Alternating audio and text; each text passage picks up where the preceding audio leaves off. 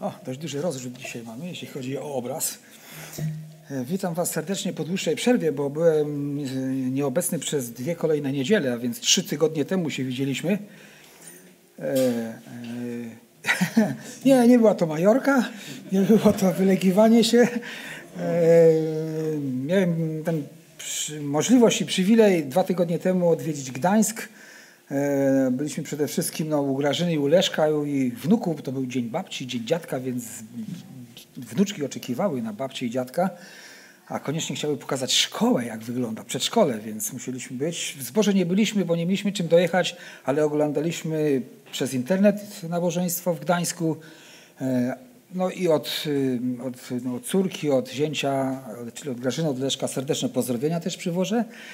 E, W zeszłym tygodniu z kolei byłem w Łodzi. To była sobota i niedziela. Tam bracia poprosili, żeby je odwiedzić. Mieli jakąś taką rodzaj też szkoły biblijnej e, w sobotę, e, żeby też podzielić się Słowem Bożym. I, potem w niedzielę na nabożeństwie, więc również z Łodzi przywożę serdeczne pozdrowienia. No, ale powiem Wam, że po tych dwóch tygodniach, czy trzech tygodniach, a dwóch niedzielach nieobecności, wiecie, takim czuję się trochę wyobcowany. Taka, taka, taka więź gdzieś, biegły pewne rzeczy tutaj w zborze, a ja byłem obok, nie? I to, I to się zaczyna odczuwać, szczególnie kiedy, y, więc to nie jest dobrze, za długo nie być w zborze, to w ogóle jest źle nie być w zborze, na nabożeństwach, na spotkaniach, y, to, to jest y, wielki przywilej w naszym kraju, w którym możemy, ile tylko chcemy, kiedy możemy, żeby być, w porównaniu do innych krajów, gdzie ludzie w strachu, w niepewności wyruszają na nabożeństwa, nie wiedzą, czy dojdą i czy wrócą do domu, bo ich zamkną za to, że w ogóle szli na nabożeństwo. A więc doceniajmy czas wspólnej społeczności i nie traćmy tych wspaniałych okazji. Ale ta, to, to, jak powiedziałem, to wyłopcowanie takie, no to troszeczkę mi tutaj się pokazało, kiedy zastanawiałem się nad dzisiejszym tematem, ponieważ nie wiem, o czym było mówione w zeszłym tygodniu dokładnie, ani dwa tygodnie temu. Więc tak zawsze e, starałem się kontynuować myśli poprzedniej osoby usługującej, łączyć te myśli swoje z tamtymi, no e, ale dziś nie mam takiej możliwości, więc po prostu może Pan Bóg coś innego powie.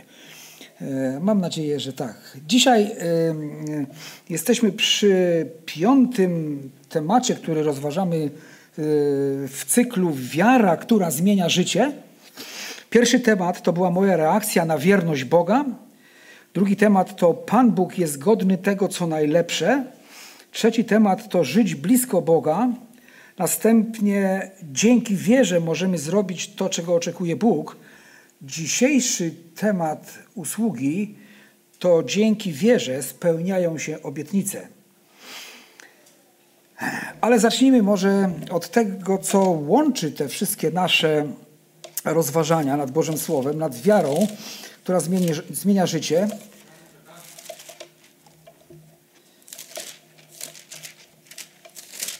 Więc chciałbym e, oczywiście tutaj zajrzeć do listu Hebrajczyków, 11 rozdział i mm, od razu przeczytać te wersety, które są takimi filarami wszelkiego rozważania i które mm, ukazują nam mm, Bożą wiarę z tej właściwej perspektywy i we właściwym świetle. Otóż czytamy list do Hebrajczyków, e, e, rozdział 11, werset pierwszy, drugi i szósty. Czytamy tak, a wiara jest pewnością tego, czego się spodziewamy i przeświadczenie, przeświadczeniem o tym, czego nie widzimy. Wszak jej zawdzięczają przodkowie chlubne świadectwo. I szósty werset. Bez wiary zaś nie można podobać się Bogu. Kto bowiem przystępuje do Boga, musi uwierzyć, że On istnieje i że nagradza tych, którzy Go szukają. Dzisiejsze nasze rozważanie związane jest e, związane jest e, z wersetami e, z listu do Hebrajczyków, też 11 rozdział 8 do 12 i brzmią one. Przez wiarę usłuchał Abraham, gdy został powołany, aby pójść na miejsce, które miał wziąć w dziedzictwo i wyszedł, nie wiedząc dokąd idzie. Przez wiarę osiedlił się jako cudzoziemiec w ziemi obiecanej na obczyźnie, zamieszkawszy pod namiotami z Izaakiem i Jakubem, współdziedzicami tejże obietnicy. Oczekiwał bowiem miasta mającego mocne fundamenty, którego budowniczym i twórcą jest Bóg. Przez wiarę również sama Sara otrzymała moc poczęcia i to mimo podeszłego wieku, ponieważ uważała za godnego zaufania tego, który dał obietnicę. Przeto też z jednego człowieka, i to nieomal obumarłego, zrodziło się potomstwo tak liczne jak gwiazdy na niebie, jak piasek na brzegu morskim, którego zliczyć nie można. Ale żeby mieć jeszcze pełniejszy obraz rzeczy, spójrzmy do pierwszej księgi Mojżeszowej, do rozdziału 12, aby przeczytać o tej historii bezpośrednio e, od tego, który relacjonuje te wydarzenia właśnie w Starym Testamencie i zapisał je w znatnienia Bożego Ducha, również w pierwszej księdze Mojżeszowej, którą, księdze, którą tak dzisiaj nazywamy. Mianowicie jest to 12 rozdział od pierwszego do dziewiątego wersetu i czytamy tak. I rzekł Pan, czyli Bóg, ten Jahwe, do Abrahama. Wyjdź z ziemi swojej i od rodziny swojej i z domu ojca swego do ziemi, którą ci wskażę. A uczynię z ciebie naród wielki będę ci błogosławił, uczynię sławnym imię twoje, także staniesz się błogosławieństwem. I będę błogosławił błogosławiącym Tobie, a przeklinającym Cię przeklinać będę i będę w, będą w Tobie błogosławione wszystkie plemiona ziemi. Abram wybra, wybrał się w drogę, jak mu rozkazał Pan i poszedł z nim Lot. Abram miał 75 lat, gdy wyszedł z Haranu. Wziął też Abram żonę swoją Saraj i Lota, bratanka swego i cały ich dobytek, którego się dorobili i służbę, którą nabyli w Haranie, wyruszyli, aby się udać do ziemi kananejskiej i przyszli do Kanaanu. Abram przeszedł tę ziemię aż do miejscowości Sychem, do dębu More. Kananejczycy byli wówczas w tej ziemi. I ukazał się Pan Abramowi i rzekł, ziemię tę dam potomstwu Twemu, Wtedy zbudował tam ołtarz Panu, który mu się ukazał. Stamtąd wyruszył w góry na wschód do, y, od Betelu i rozbił swój namiot. Betel było z zachodu, a Aj ze wschodu. Tam zbudował Panu ołtarz i wzywał imienia Pana. Potem wędrował Abram coraz dalej do Negebu. Y,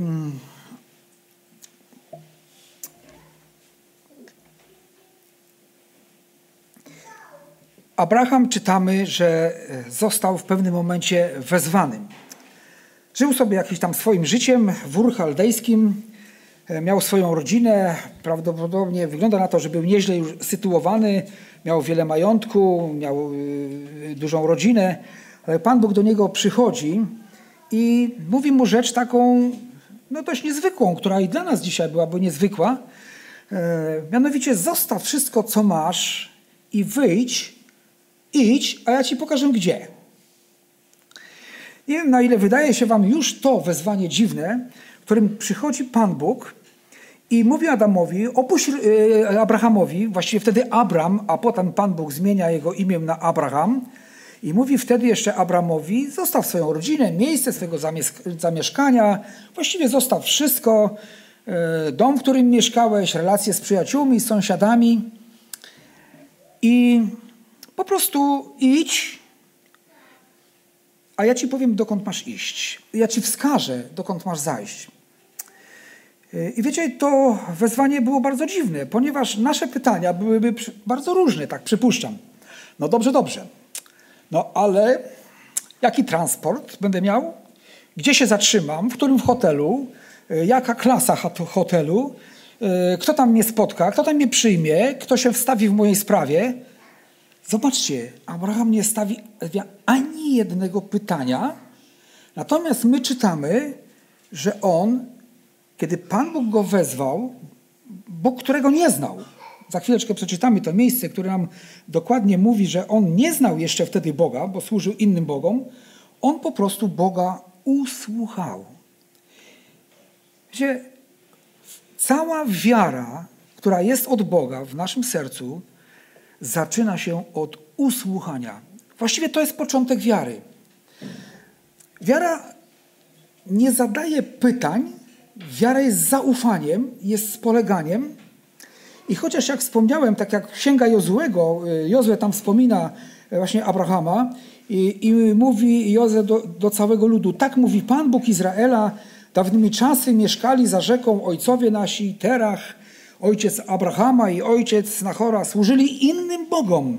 Wtedy zabrałem ojca waszego Abrahama z za rzeki i powiedziałem, prowadziłem go po całej ziemi kananejskiej i rozmnożyłem jego potomstwo i dałem mu, dałem mu bowiem Izaaka, a Izakowi dałem Jakuba i Ezawa. A więc zobaczcie, e, ta wiara, która była w sercu Abrahama, ja myślę, że Bóg ją widział, dlatego też zwrócił się do niego z tym powołaniem, e, wiedząc, że Abraham ma pewien dar, aby, aby wierzyć i że to wezwanie spotkało się właśnie z taką prostą reakcją. Abraham usłuchał. Wiecie, my w Biblii mamy wiele różnego rodzaju e, e, wiele różnego rodzaju wezwań w Słowie Bożym. Za chwileczkę ja, ja je tutaj jeszcze wymienię, ale to jeszcze było taką cechą charakterystyczną tej całej sytuacji. Otóż to wezwanie czy ta decyzja wyjścia nie pochodziło z jakichś marzeń wcześniejszych Abrahama. Nic tutaj nie czytamy na ten temat. On po prostu fajnie sobie żył i miał sobie swoich bogów, którym służył. Miał swoje sprawy, miał swoje interesy, miał swoje życie, plany co do swoich, e, swojej przyszłości. E, może one były związane jeszcze z jego ojcem, z jego mm, pozostałymi członkami rodziny. Więc to nie był jakiś wytwór jego marzeń czy dążeń do lepszego życia. Nie czytamy, żeby Abraham y, usiadł pod dębem gdzieś i zastanawiał się, to już wszystko poznałem, gdzieś bym chciał poznać coś nowego. I nagle Pan Bóg przychodzi, on mówi, o fajnie się złożyło, to ja sobie teraz idę. Nie, wiesz, to, to tak jak z, z, z Tesaloniczanami, którzy służyli swoim Bogom, a kiedy usłyszeli Ewangelię o Jezusie Chrystusie, to odwrócili się od bałwanów do Boga żywego. I właśnie to stało się w tej chwili z Abrahamem. A więc nie było to, nie pochodziło to z jego marzeń, z dążeń do lepszego życia. Wezwanie pochodziło od Boga, którego Abraham wcześniej nie znał. Być może słyszał, ponieważ tak naprawdę Abraham znał, mógł się znać z trzecim potomkiem po Adamie czyli z Noem. Więc mógł coś słyszeć, ale służył innym bogom. Tak mu się życie ułożyło, że po prostu służył to, co, temu, co miał pod ręką, albo to, co znał, znał ten naród, wśród którego mieszkał. Ale przychodzi do niego Bóg, żywy i prawdziwy, i dzieje się w jego, w jego sercu to, co u Tesaloniczan, kiedy poznali Boga żywego, kiedy On do nich przemówił słowami e, apostoła Pawła i jego współpracowników, to oni odwrócili się od bałwanów do Boga żywego. I to właśnie robi e, Abram jeszcze wtedy. On po prostu usłuchał. I tu chcę teraz e, wspomnieć o tym, że mamy wiele w Biblii różnych wezwań do postępowania które dla człowieka kierującego się tylko zmysłami mogą się wydawać bardzo dziwne. No, na przykład z Efezjan 4,25 Przeto odrzuciwszy kłamstwo, mówcie prawdę z bliźnim swoim, bo jesteśmy członkami jedni drugich. No a jak jest wspomnienie, jak się mówi często wśród ludzi, dla dobra sprawy trzeba skłamać. Czy to wymaga wiary, żeby porzucić taki sposób myślenia, jaki proponuje świat? Tak. Bez wiary jest to niemożliwe, bo będą sytuacje, w których będziesz sobie mówił, o, tu trzeba skłamać, żeby nie stracić. Ale Słowo Boże mówi, odrzuciwszy kłamstwo, mówcie prawdę każdy z bliźnim swoim, bo jesteśmy członkami jedni drugich. Albo Mateusza 6,33. Ale szukajcie najpierw Królestwa Bożego i sprawiedliwości Jego, a wszystko inne będzie wam dodane. Tam dalej jest też powiedziane, nie troszczcie się, nie zamartwiajcie się. Lilię Pan Bóg przyozdabia i da wam również wszystkiego, co potrzebujecie, tylko szukajcie najpierw Królestwa Bożego i Jego sprawiedliwości. To dla człowieka zmysłowego też jest śmieszne. Bo on powie, no mam się zajmować czymś, czego nie widzę, to widzę pieniądze, konkretne sprawy, tym się muszę zajmować i o to zadbać. Często może i tak myślimy, myśląc o swoich dzieciach, o ich przyszłości. O czym przede wszystkim myślimy? Czy to, żeby poznały Pana i Mu służyły? Czy to tylko, żeby się dobrze wykształciły, miały dobrą pracę i dobrze zarabiały pieniądze, żeby ich było na wszystko stać? Wiecie, takie modne powiedzenie. Na wszystko stać. W ogóle co to znaczy, to tego nikt nie wie, bo im więcej masz pieniędzy, to tym bardziej wiele masz i znowu ci nie starcza. A więc kiedy na wszystko stać, nie? Jakie jest twoje marzenie dla twoich dzieci? Czego pragniesz? O co się modlisz dla nich? Dalej Rzymian 12, 19. Najmilsi, nie mścicie się sami, ale pozostawcie to gniewowi Bożemu, albowiem napisano, pomsta do mnie należy, ja odpłacę, mówi Pan. No, a ja tu widzę, że znowu idzie ten, któremu się tak powodzi i jeszcze mi jakąś krzywdę zrobił. Nic mu nie powiedzieć? Nie odwrócić się od niego, że go nie widzę? Nie? To ciało dyktuje. Ale żeby czynić to, co mówi Ewangelia, co mówi Słowo Boże, potrzebujemy wiary. Czyli potrzebujemy usłuchać, nakłonić swego ucha i swoje serce, aby usłuchać Bożego wezwania.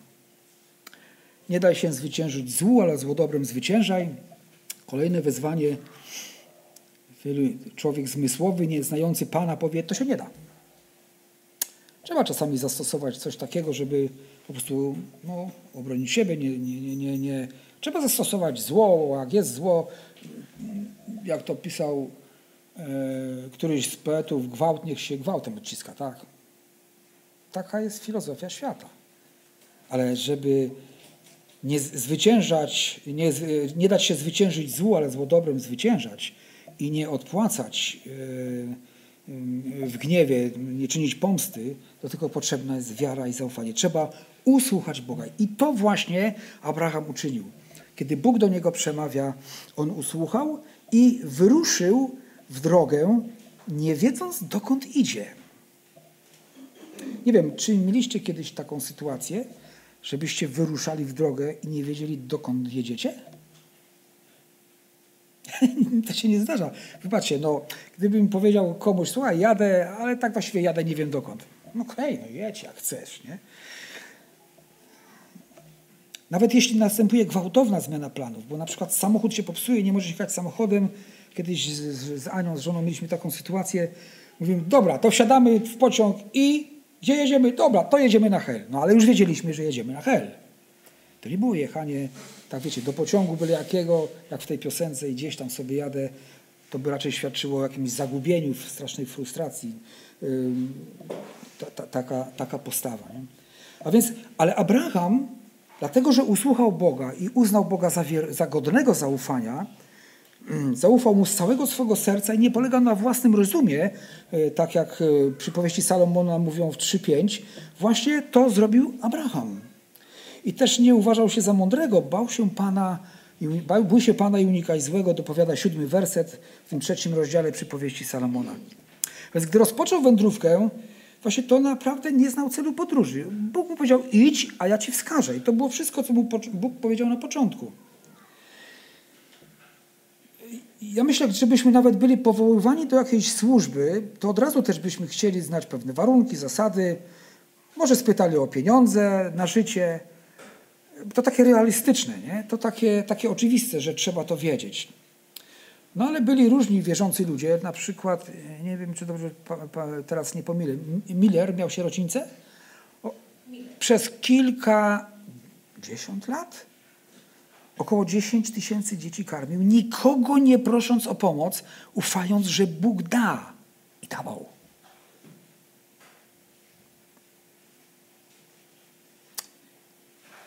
Sobie pomyślałem o mojej wierze teraz. Co to za karzeł? A więc gdy rozpoczął wędrówkę, tak naprawdę nie wiedział, nie znał celu podróży, nie miał możliwości, wiecie, zobaczyć fotografii czy jakiegoś filmu. Dzisiaj jak jedziemy gdzieś tam, wybieramy się w czasy do hotelu, no oczywiście musimy znać szczegóły i wiedzieć, że na pewno to jest tak, jak tam jest na zdjęciu, jak jest napisane. Chcemy wiedzieć wszystko. Oczywiście jadąc na wycieczkę lepiej wiedzieć wszystko jednak, natomiast w powołaniu Bożym nie zawsze trzeba wszystko wiedzieć i do końca rozumieć, aby dojść do właściwego celu, bo tym, który prowadzi jest Bóg, jeśli my za Nim idziemy. A więc chodzenie w wierze sprawia wrażenie lekkomyślnego i nierozsądnego dla obserwatora z boku. Jednak człowiek, który zna Boga, jest jak najbardziej zadowolony wypełniony Bożym pokojem, bo wypełnia Boże wezwanie. I gdy go, gdy go prowadzi Bóg, on idzie tak jakby z zamkniętymi oczami cielesnego i zmysłowego myślenia, nie wiedząc jaka czeka go droga, ale idzie w wierze i zaufaniu, ponieważ usłuchał Boga żywego, Boga, który nie kłamie, który wie wszystko, wyruszył w drogę wierząc temu, który go wezwał. My tak bardzo chcemy wiedzieć, rozumieć y, i od tego często zależy wypełnienie woli Bożej. Jak nie rozumiem czegoś w Bożym Słowie, nie umiem pojąć, dlaczego to ma być tak, to mówię, to ja tego nie robię, dopóki nie zrozumiem. Hmm. To nie jest wiara. To jest kalkulacja. Są zapisy w Bożym Słowie, których czasami przez lata nie rozumiemy. Czy to znaczy, że mamy ich nie wypełniać? Czy wtedy byśmy powiedzieli, o, Pan Bóg tu coś napisał, ja tego nie wypełniam, bo nie rozumiem, może On mnie oszukał. Może mówi coś nieprawdziwego. To nie jest wiara. Wiara ufa. Albo wierzymy, że Pismo Święte jest z natchnienia Bożego, że napisali ludzie Boży natchnieni Duchem Świętym, że nie, nie przyszło ono gdzieś z wiatru jakiegoś, z kapelusza, z wnętrza ludzkiego umysłu i serca, ale że napisali je Boży ludzie natchnieni Duchem Świętym. I że całe Pismo przez Boga jest natchnione i pożyteczne do nauki, wykrywania błędów, do poprawy, do wychowywania sprawiedliwości. I czasami chcielibyśmy powiedzieć, ale dlaczego ja mam tak robić? Wystarczy jedna, jeden argument, bo tak powiedział Pan Bóg.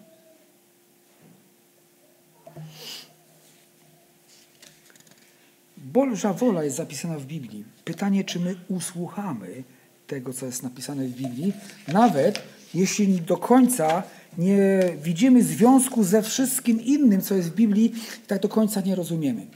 Abraham naprawdę wyszedł jak takie małe dziecko, on stał się jak dziecko. Pan Jezus mówi, jak nie staniecie się jak dzieci, to nie, nie, nie traficie do Królestwa Bożego.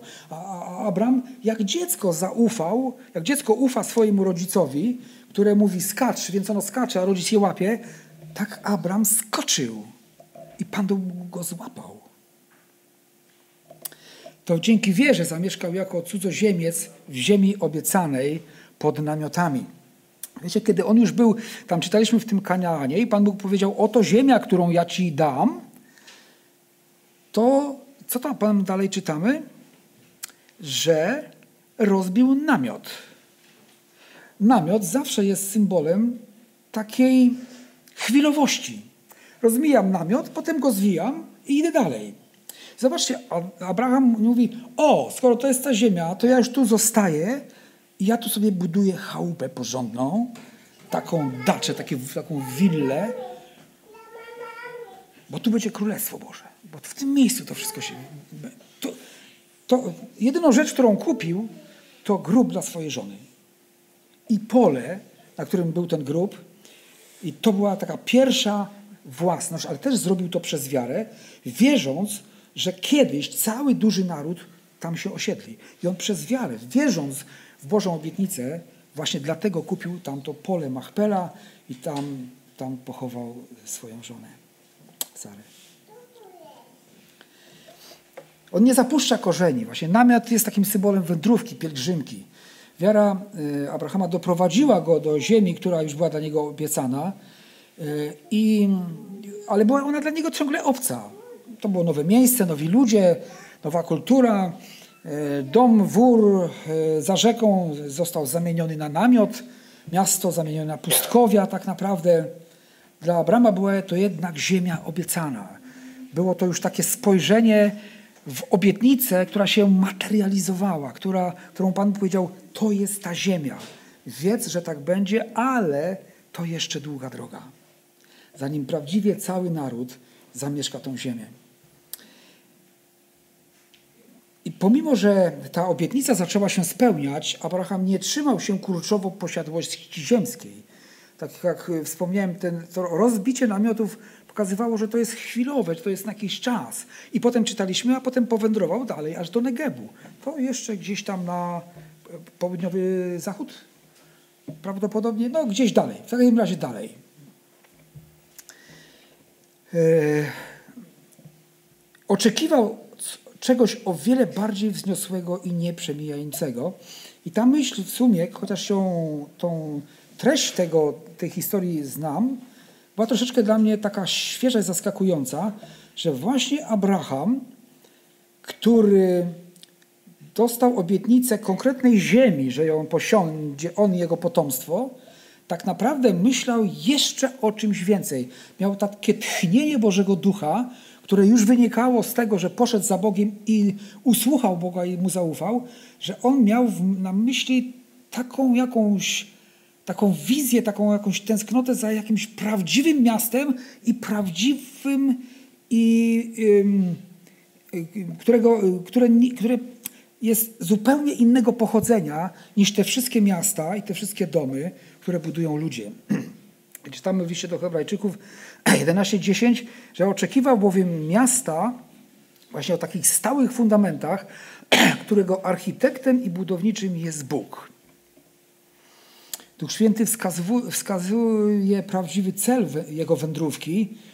Miasto, które, miał za, za, które zaprojektował i zbudował nie człowiek, ale sam Bóg. Miasto o fundamentach, które jest niezniszczalne, nienaruszalne. Abraham uznał swego Boga, tego, który złożył Abrahamowi obietnicę, za godnego zaufania. Dlatego powierzył mu swoją przyszłość, swoją rodzinę. E, e, Sara, Sara Izaak, Jakub mieli być współdziedzicami tej obietnicy. E, właściwie całą swoją życiową drogę powierzył w Boże ręce. Wszystkie swoje cele i pragnienia związane były właśnie z tą obietnicą. Serce Abrahama skłaniało się ku rzeczom wyższym. Wiecie, to jest taki też obraz chrześcijanina, który żyje tutaj na ziemi, musi wstać, musi zjeść, musi pójść do pracy, żeby mieć pieniądze na utrzymanie siebie, ale też na udzielenia wszelką dobrą sprawę. Słowo Boże wcale y, nie zachęca do tego, żeby wszystko, co zarabiamy, zużywać na siebie, tylko też na wszelką dobrą sprawę, czy na potrzebującym udzielać. Ale właśnie tu Abraham przez to, że miał taką wizję rzeczy przyszłych, że mieszkał w namiotach, miał jakieś takie tchnienie w swoim sercu, że Bóg ma jeszcze coś o wiele więcej. Więc to jest taki obraz wierzącego człowieka, który żyje w doczesności, ale tak naprawdę wie, że jego obywatelstwo już jest w niebie. Słowo Boże mówi, że Bóg w Chrystusie przeniósł nas ze śmierci do życia, posadził w okręgach niebieskich. Czyli w Chrystusie nasza pozycja już jest po prawicy Boga Ojca, choć w rzeczywistości, fizycznie, materialnie żyjemy tu, ale nasze obywatelstwo w wyniku zadatku Ducha Świętego jest przyklepane i już jesteśmy obywatelami nieba. Nasze obywatelstwo jest zapieczętowane właśnie Duchem Świętym. Należymy do Pana. I tak powinno wyglądać nasze życie. To, mm, wstając rano, powinniśmy być świadomi, że to może być nasz, nasz ostatni dzień, a potem spotkanie z Panem. Może Pan Jezus przyjdzie, a może ja odejdę, bo to są dwie możliwości. Jedna i druga kończy się bardzo dobrze. Wolelibyśmy nie odejść, ale żeby Pan przyszedł bo nie musielibyśmy wtedy, będziemy musieli wtedy przechodzić przez ten próg umierania naszego ciała. Ale życie chrześcijanina to jest życie polegające na ciągłym patrzeniu do przodu na Boże obietnice wieczności, niebiańskiej ojczyzny, Nowego Jeruzalem, spotkania z Chrystusem na powietrzu, królowania z Nim, a potem tego wszystkiego, co czytamy w końcówce e, objawienia według świętego Jana, że e, lampy nie będzie potrzeba, światła, bo światłą będzie baranek, bo Bóg będzie mieszkał ze swoim ludem i przechadzał się pośród swojego ludu.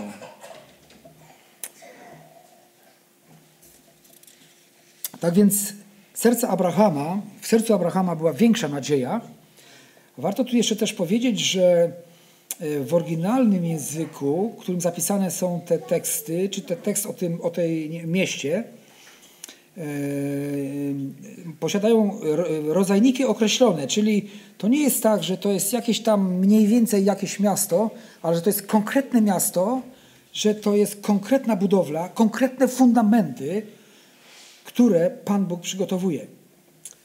Co się nam kojarzy w tym momencie? Myślę, że objawienie 21 rozdział, wiersze od 1 do 3.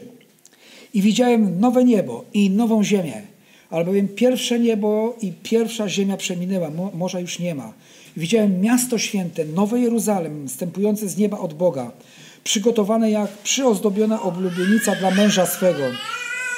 I usłyszałem donośny głos z tronu mówiący, Oto przybytek Boga między ludźmi i będzie mieszkał z nimi, a oni będą ludem Jego i sam Bóg będzie z nimi.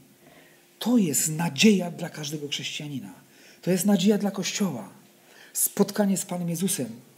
Słowo Boże mówi, że jeśli ktoś z, z wierzących ludzi tylko w tym życiu pokłada nadzieję w Panu Jezusie, to jakim jest człowiekiem? Najbardziej pożałowania godnym nie można powiedzieć, że gdyby nawet nie było tego, co Bóg obiecał w przyszłości, w wieczności, to i tak warto dla tych rzeczy się trudzić. To, to nie jest biblijny obraz nadziei i kroczenia za Bogiem, ponieważ tak właściwie całe ograniczanie się, czy umieranie dla siebie i dla świata, aby żyć y, z Chrystusem i dla Chrystusa, straciłoby sens, gdyby nie było nieba, niebiańskiej ojczyzny i wieczności z Bogiem. Gdyby było tak, że kończy się wszystko z chwilą śmierci, to po co całe ograniczenie? Po co całe zaparcie się siebie? Ale nasza nadzieja związana jest ze zmartwychwstaniem, z spotkaniem z Chrystusem. To oczywiście niesie ze sobą odpowiedzialność, że stanę przed Chrystusem i On mnie spyta, czemu zrobiłeś to, czemu tak myślałeś, czemu tak potraktowałeś brata czy siostrę, czemu w ogóle pewne rzeczy w swoim życiu robiłeś. Dobrze, że pewne rzeczy robiłeś, za to Cię pochwalam, ale co z tymi pozostałymi? Czas rozliczenia, tak? Ale I Abraham ma, ma nadzieję, tą żywą nadzieję. On patrzy po, dalej niż tylko na życie ziemskie. On miał tą w sercu swoim gdzieś przez Boga włożoną wizję tego wiecznego miasta z, nie, z, z konkretnymi, niezniszczalnymi fundamentami. A wiemy, co jest fundamentem na przykład Kościoła. Pan Jezus Chrystus. A więc on miał wizję Chrystusa. Może nie umiał tego nazwać, może nie umiał tego wyartykułować. Po prostu czuł, że coś tam będzie takiego, co Pan Bóg przygotował.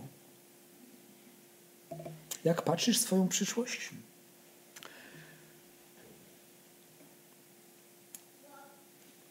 Czy pokładasz swoją nadzieję w Bogu? Czego ta nadzieja dotyczy? Jakich wartości?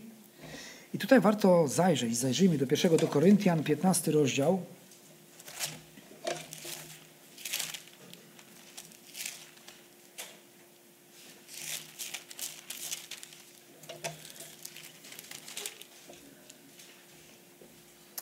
Wersety 13 do 19.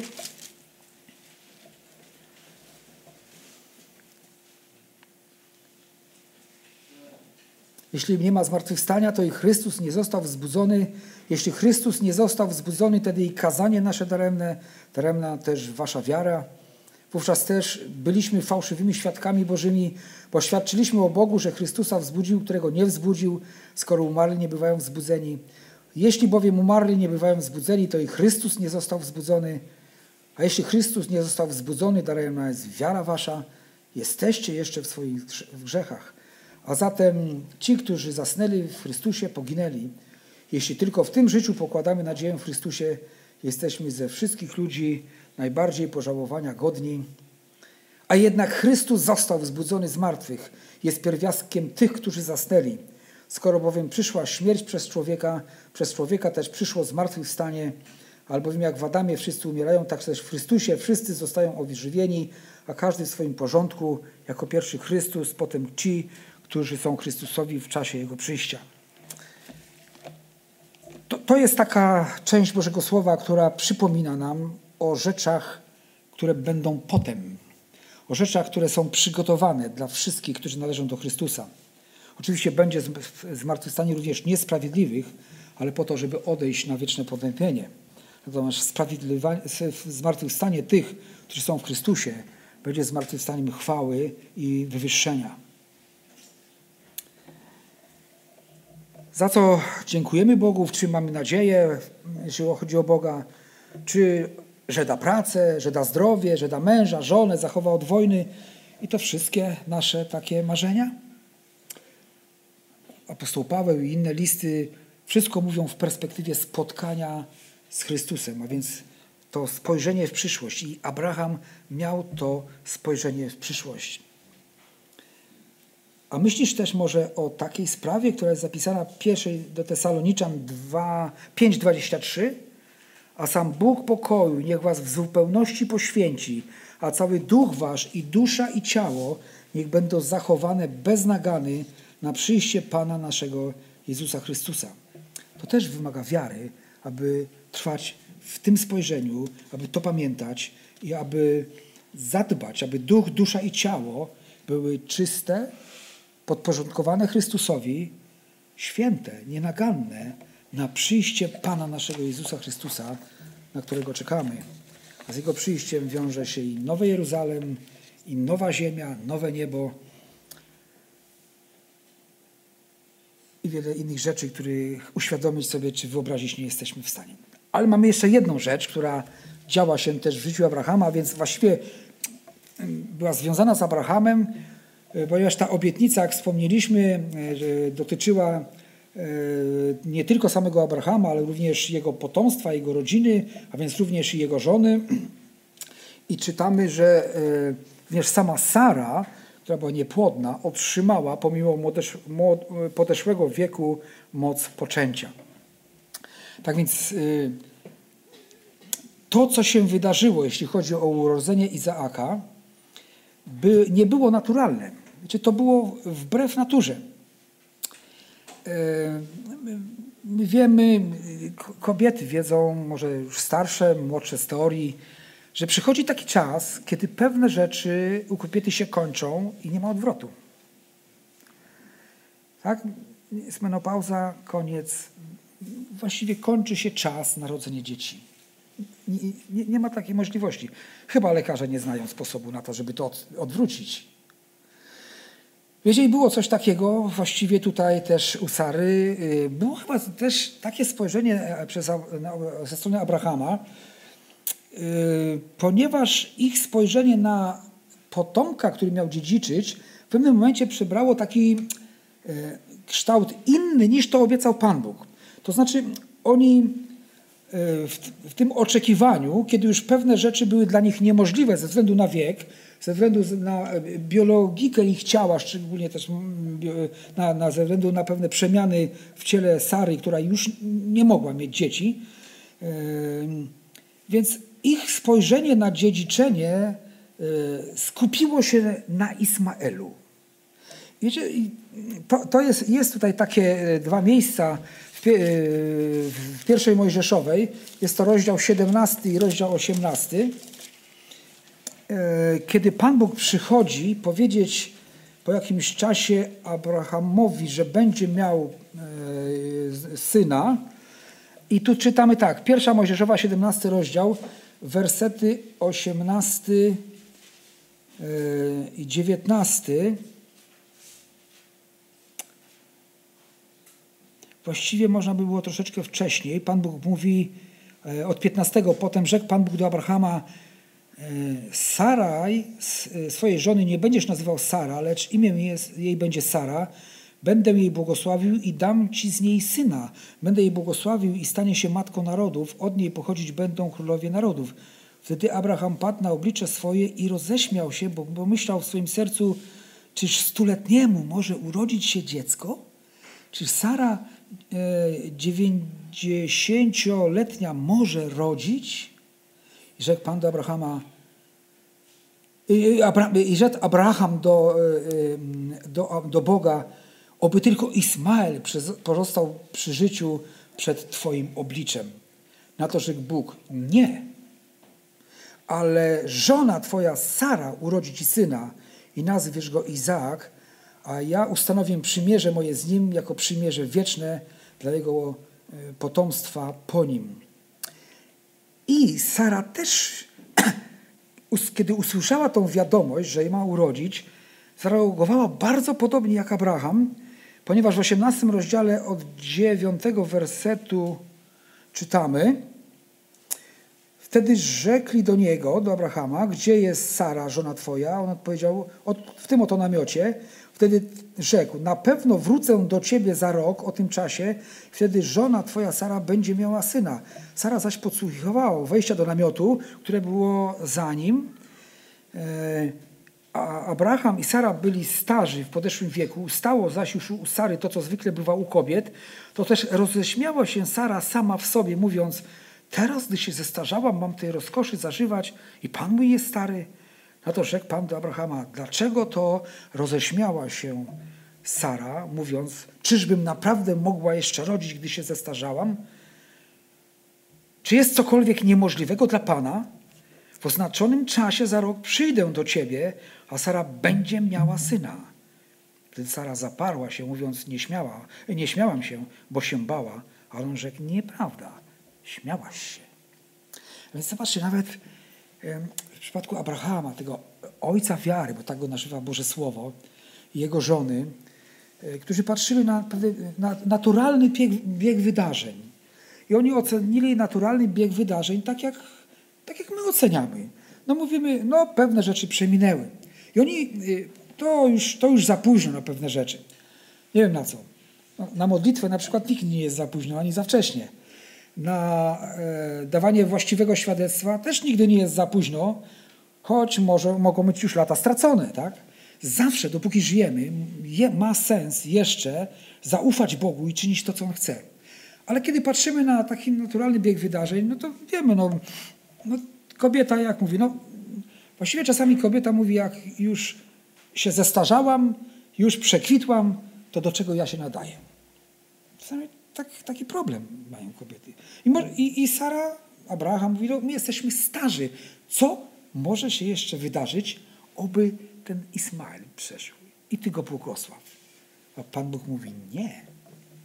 Zobaczcie, więc są też takie ludzkie zachwiania, pomimo tego, że oni wierzyli w Boga Wszechmogącego. Ufali obietnicy i widzieli, i myśleli, że to Ismael właśnie ma być tym.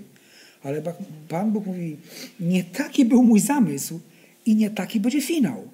Twoja żona urodzi. Wiecie, ja myślę, że to Pan Bóg czasami pozwala nam, tak jak pozwolił Abrahamowi i Sarze, znaleźć się w takim punkcie z ludzkiego punktu widzenia, w którym już nie można powiedzieć, że coś się postarałem i jeszcze się udało. I to się stało właśnie u Abrahama i Sary. Kiedy oni myśleli, że już jest po wszystkim, jeśli chodzi o to, żeby Sara mogła urodzić, Pan Bóg przychodzi w tym właściwym momencie, aby obudzić ich wiarę, aby ich, właściwie ich wiarę skierować we właściwe miejsce, aby oni zaczęli myśleć tak, jak Pan Bóg od początku myślał. Że Pan Bóg jak y, daje obienicę i coś myśli, to On za 100 lat też tak myśli.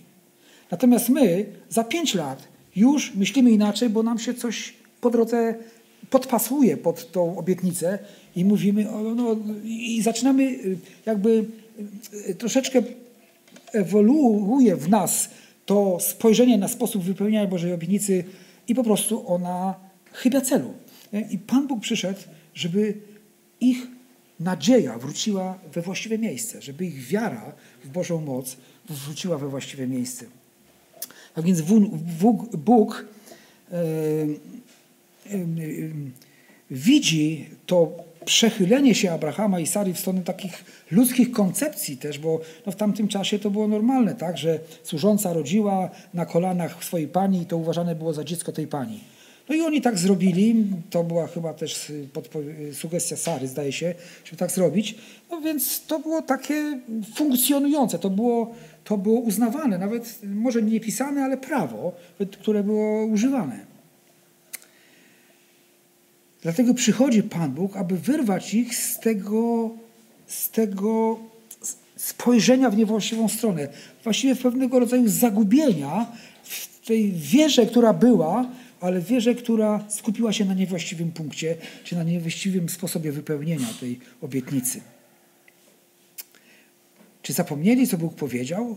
Powiedział, że Sara będzie miała. A więc y, przychodzi Pan Bóg i mówi: Nie, ale żona Twoja Sara urodzi ci syna. Jego, ich wiara została skierowana we właściwą stronę. I przez wiarę Abrahama, przez wiarę Sary, bo w liście do Hebrajczyków czytamy, że Sara uważa, uznała Boga za godnego y, zaufania. I dzięki wierze zyskała moc poczęcia. Tak? To, jest, to jest napisane, że to nie było, y, że oczywiście Pan Bóg stał za tym, który to sprawił, ale jej wiara pozwoliła Bogu to sprawić, jeśli można to tak powiedzieć. Dlatego, że bez wiary nie można się podobać Bogu. Tak? Kto bowiem przystępuje do Boga, musi uwierzyć, że On istnieje i że nagradza tych, którzy Go szukają. Tak więc przez wiarę Abrahama, przez wiarę Sary, powstał naród tak liczny jak piasek na brzegu morskim, jak gwiazdy na niebie. Piasek może tutaj symbolizować ziemskie potomstwo Abrahama, czyli Izraela według ciała, Gwiazdy na niebie mogą symbolizować to duchowe potomstwo. Słowo Boże w Nowy Testament mówi o tym, aby mieć wiarę ojca naszego Abrahama, aby wstępować w ślady ojca wiary, czyli Abrahama. Jeśli mówimy o tym duchowym potomstwie, to to jest Kościół, w którym Bóg zjednoczy i Żyda, i poganina, skupia wrog, ludzi z wrogich sobie narodów i oni razem stają się jednym ciałem, jednym kościołem. Ze wszystkich krajów, ze wszystkich ludów, ze wszystkich języków, z wszystkich narodów. A więc to potom, w jednym i w drugim przypadku to potomstwo jest właściwie nie, trudne do policzenia, czy też niepoliczalne. Oczywiście zna Pan Bóg tych, którzy do Niego należą, więc Pan Bóg dokładnie wie, ilu ma prawdziwie nowo zrodzonych ludzi na kuli ziemskiej w tym momencie, ilu było wcześniej wie też, ilu będzie jeszcze i wzywa wszystkich do upamiętania. A więc to potomstwo i w sensie fizycznym właściwie jest nie do wyśledzenia w tym momencie, kiedy się rozproszyli po całej ziemi, ale Pan Bóg wie, zna każdego, kto przynależy według ciała też do narodu izraelskiego, ale też zna wszystkich tych, którzy są Jego własnością. Czy Ty należysz do tego potomstwa gwiazd, do tego potomstwa obietnicy, do tego potomstwa, które wierzy w Chrystusa. A możesz należeć do tego potomstwa tylko przez wiarę w Pana Jezusa Chrystusa. Tak więc chcemy wielbić Boga za pewne rzeczy, dziękować Mu, wyznawać i modlić się. Eee, chcielibyśmy Go wielbić za to, że On zawsze dotrzymuje swoich obietnic a tych, którzy mu zaufali, doprowadza do celu. Koryguje ten cel. Za to, że wzbudza i doskonali w nas wiarę. Dziękujmy, że również e, nam złożył wspaniałe obietnice dotyczące Jego obecności w naszym życiu w osobie Ducha Świętego oraz naszej wieczności razem z Nim. Ale myślę, że też mamy co wyznawać że tak często brakuje nam zaufania w Jego obietnicy, że tak często, ponieważ nie rozumiemy, ociągamy się z wypełnieniem Bożego Słowa. Tym samym czynimy Go niewiarygodnym. Właściwie odważę się powiedzieć, tak jak w jednym miejscu też chyba Słowo Boże mówi, że kłamcę z Niego robimy. Jeśli mamy coś w Bożym Słowie, a nie wypełniamy dlatego, że nie rozumiemy, to tak jakbyśmy z Boga czynili kłamcę. A skoro jest tak, że nasza wiara jest niedoskonała i ona często przykleja się do niewłaściwych punktów w przyszłości, czy, czy gdzieś zbacza e, z właściwego spojrzenia, tak jak to było u e, Abrahama i Osary, Pan Bóg jest tym, który prostuje, Pan Bóg jest tym, który dał Ducha Świętego, dał Słowo Boże, Pismo Święte, e, po to właśnie to Pismo Święte, które jest do wszystkiego przydatne, natchnione, aby nauczać, wykrywać błąd, poprawiać i wychowywać, czyli utwierdzać w prawdzie, utwierdzać w sprawiedliwości. Do tego potrzebujemy i dał nam Pan Bóg do tego Słowo Boże, abyśmy mogli korygować tą naszą ludzką ułomność, która się ślizga czasami w różne strony w wyniku pewnych wydarzeń, które dzieją się wokół nas. Tak więc módlmy się, Panie, daj nam wiary, wiary w Twoje obietnice. Spraw, byśmy umieli uchwycić się Twoich obietnic. To są te rzeczy związane z naszym tematem ogólnym, czyli wiara zmieniająca życie, ale też związana z y, tym spojrzeniem bardzo powierzchownym w sumie, y, takim na, bez dawania się w głębsze, pewne jakieś szczegóły w życiu Abrahama, Sary, ale myślę, że te główne rzeczy, główne punkty gdzieś tutaj mogliśmy o nich powiedzieć. Więc teraz chcemy też y, chcemy, chcemy wymienić, nie wiem czy to jest możliwe do wyświetlenia, pewne też tematy, intencje do modlitwy związane też z naszym krajem. Módlmy się o służbę zdrowia w Polsce, o Ministerstwo Zdrowia, o placówki medyczne, o ich personel, o chorych, samotnych, zagubionych. Módlmy się o seniorów. Módlmy się też, aby do tych wszystkich ludzi mogła docierać Ewangelia. Zbory są też tutaj wymienione, o której dzisiaj w szczególny sposób chcemy się modlić. O, i jeśli to będzie, to będzie bardzo dla nas pomocne. Modlimy się dzisiaj o zbór w Międzyzdrojach, zbór w Nowym Tomyślu, zbór w Opolu, zbór w Nowogardzie i zbór w Piątkowie. Te zbory, ci bracia i siostry potrzebują naszej modlitwy. Potrzebują tego, abyśmy ich wspomnieli przed Bogiem. E, abyśmy, czy to głośno, czy w sercu, czy w ciszy, ale wołali do Boga również za tymi zborami, o, o braci, o, o, o mm, przewodników w zborach, o wszystkie służby, o wszystkich liderów, o tych, którzy po prostu przychodzą, aby słuchać Bożego Słowa, aby i oni stawali się coraz bardziej uświęceni i użyteczni dla Boga. Sprawy naszego zboru nie wypisywałem. Myślę, że o podobne rzeczy, które możemy się modlić, E, jeśli chodzi e, pod kątem zborów wymienionych, możemy modlić się tutaj również o nas, abyśmy nie stracili żywej nadziei, żywej wiary, abyśmy usłuchali Boga, kiedy On będzie do nas mówił, abyśmy szli za Nim, abyśmy nie bali się różnić od tego świata. A niech świat sobie mówi, co chce, a my chcemy się podobać naszemu Panu. Niech Pan Bóg to sprawi w swojej łasce i mocy. Powstańmy, aby się modlić.